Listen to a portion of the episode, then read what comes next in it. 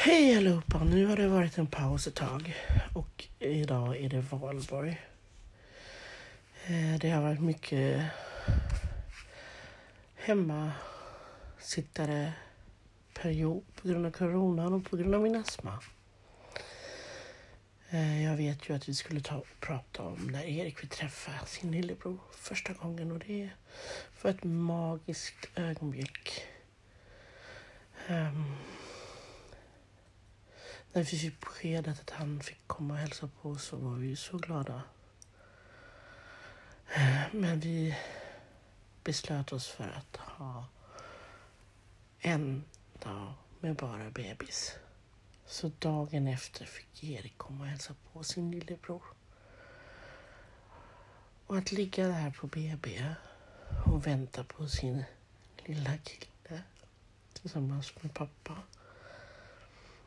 var ju en sitta på nålar situation. Nervositet, förväntansfullhet, glädje. Ja, alla hormoner som fanns i hela kroppen bara sprätte såklart. Och så öppnas dörren. Och in kommer han. Och så säger man Shit vad stor du har blivit. Ja. Bara sådär över ett dygn cirka. Så har han blivit megastor. Vad hände liksom? Min lilla Buddha har blivit stor. Han tittade lite försynt. Höll pappa om benet. Gick fram och tittade på mig och studerade alla slangar jag hade alla infarter jag hade på händerna och kollade på eden och undrade liksom, vad är det där mamma har? Varför ligger hon där? Medan Erik tittar på mig och studerar så lyfter Jens ner Dominik och sätter sig på huk och säger Kom Erik, kom och hälsa. Och Erik han vet inte riktigt hur han ska ta vägen. Han skrattar lite blygt, håller krampaktigt i pappas arm. Och så tittar han på Dominik. Så tittar han på mamma. Så tittar han på pappa. Och så tittar han på Dominik och så petar han på honom. Och så backar han. Och så tittar han på Jens. Och så tittar han på mig. Så petar han igen på Dominik. Så pratar ju och säger att det är lillebror såklart. Så tittar han noga och länge. Och så säger han Lillebo, Lillebo och så ger han honom en puss i pannan.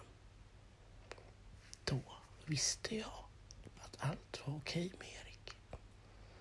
Och tårarna bara sprutade av glädje och kärlek och stolthet.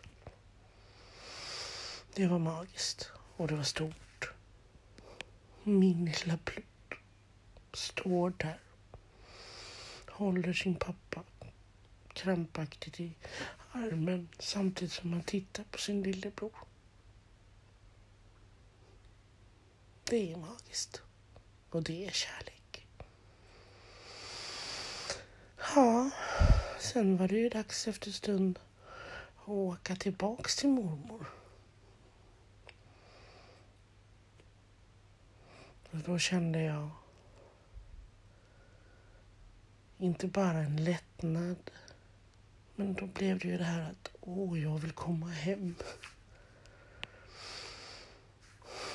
Och det fick vi ju tre dagar senare på Eriks tvåårsdag checkar vi ut från BB och åker hem till Täby.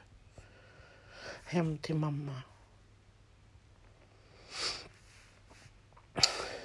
Och där sitter lilla gubben och äter sin födelsedagsfrukost och ingår i på baksidan med lillebror sovandes. På morgonen hade Erik fått massa paket. I alla fall i hans värld. Men det var två stora med flera paket i. Så det gick ju ingen nöd på honom på så sätt. Men det var ju en liten annorlunda födelsedag såklart. Vi åker hem och vi eh, installerar oss. Gammelkatten som då fortfarande levde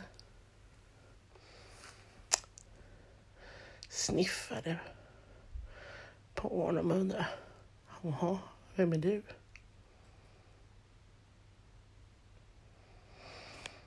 Och vi strosar runt i vårt hus och inser att shit, nu är vi en familj på fyra och en katt.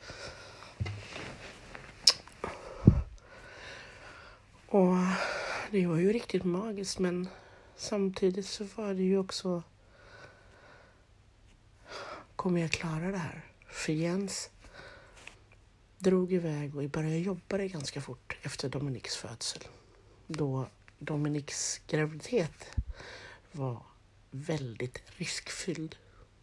Jag eh, hade abnorma förverkar redan i vecka 17.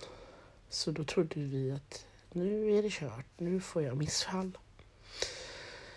Men vi lyckades hela tiden bromsa och förhindra och jag låg inne ett gäng antal gånger. Och det gjorde ju då att Jens var hemma i stort sett hela graviditeten. Så han var ju tvungen att ut och jobba igen. Så jag blev ju ensam efter de här tio första dagarna som Jens hade rätt till att vara hemma. Så det var det var tufft, men det gick. Eh, vi hittade rutiner. Och vi hade jättemysigt. Alltså, den tiden då Dominik var bebis och Erik var hemma var en underbar tid. Sen började Erik ju faktiskt på förskolan där. Eh, och vi hade köpt ryggsäck och vi hade ordnat så att mamma skulle göra, följa med på inskolningen. I och med att jag hade Dominik. Men jag följde ju faktiskt med två dagar. Eh, sen så var det mamma som skötte resten tills det blev problem. Och det var inga roliga problem utan det var att Erik var otröstlig visste inte vad han skulle göra trots att mamma ändå fanns kvar. Eh, men hon märkte att Erik inte blev aktiverad. Han blev inte inbjuden på det sättet som han hade behövt. Och vi försökte ha en dialog och jag sa det, jag kan ju omöjligt sköta inskolningen med tanke på att jag hade bebis. Och det förstod de ju såklart.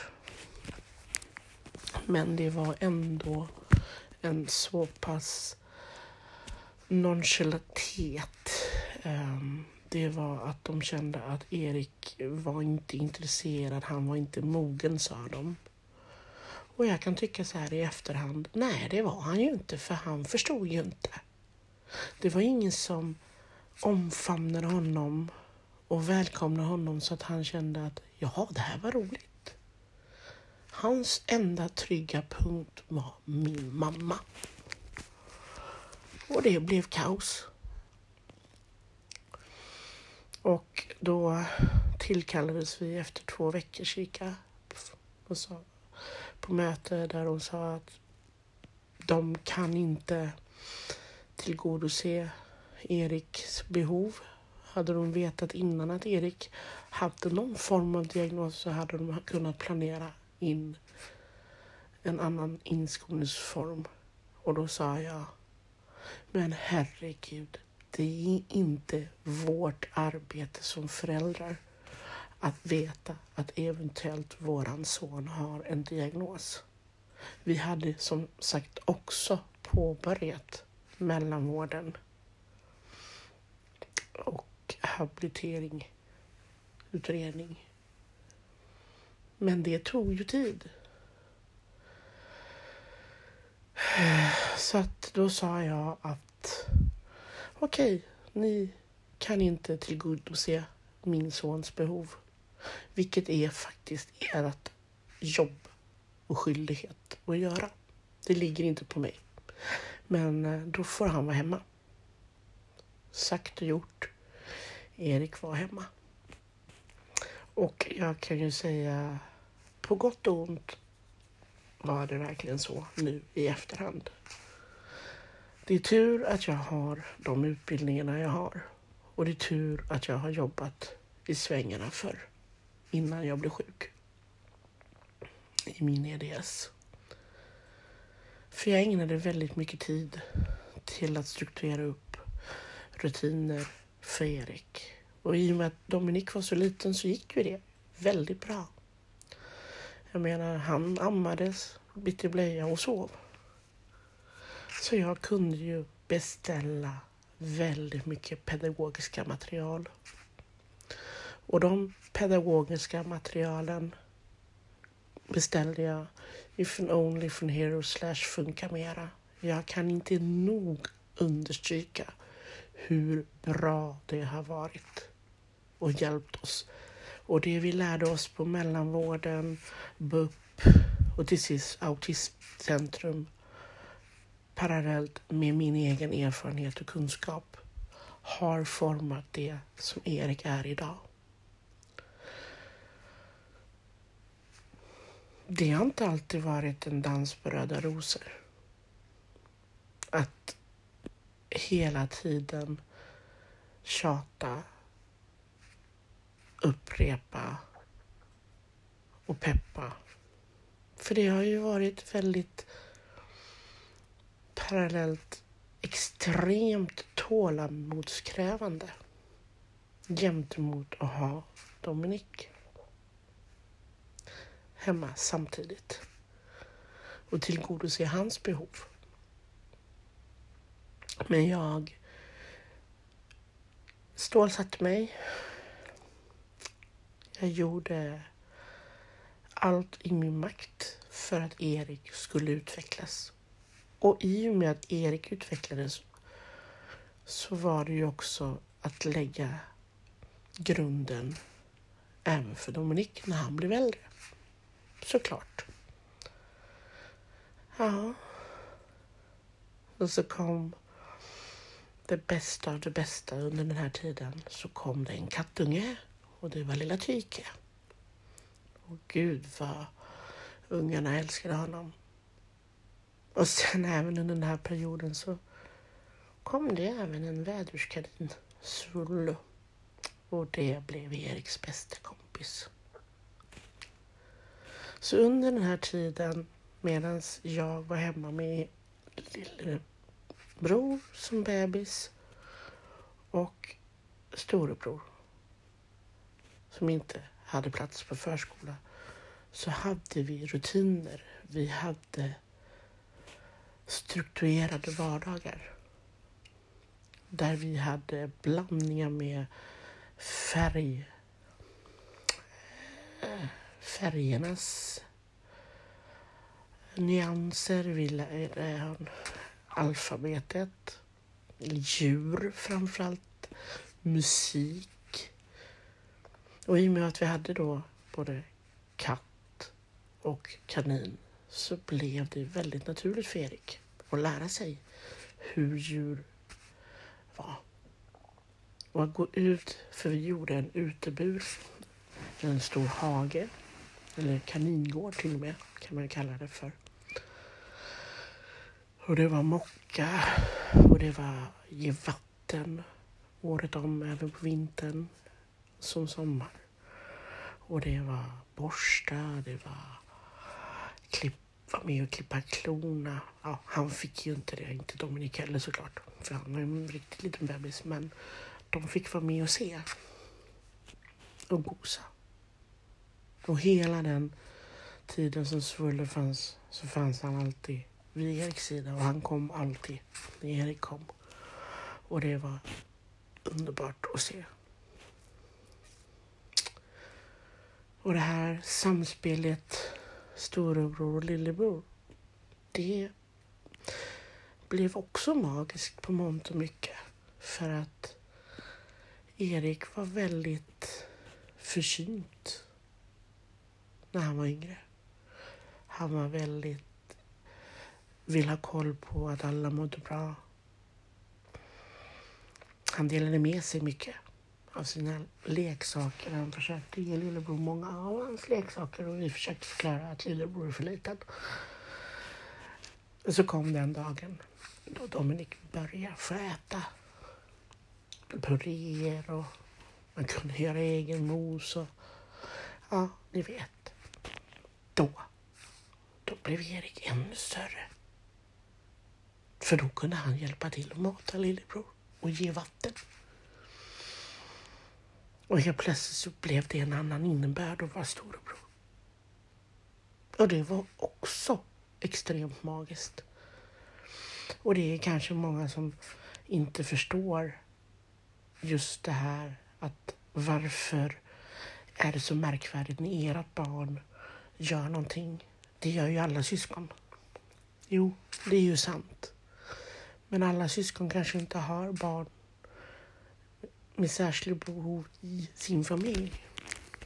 Och det gör ju då att allting i utvecklingsfaser, i socialt sammanhang blir jättestort när koderna klaffar och handlingen blir magisk.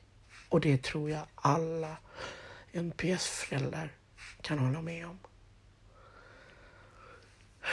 Och så kommer då den dagen då det är dags för att börja inskolning med Dominik på förskolan och samtidigt få in Erik.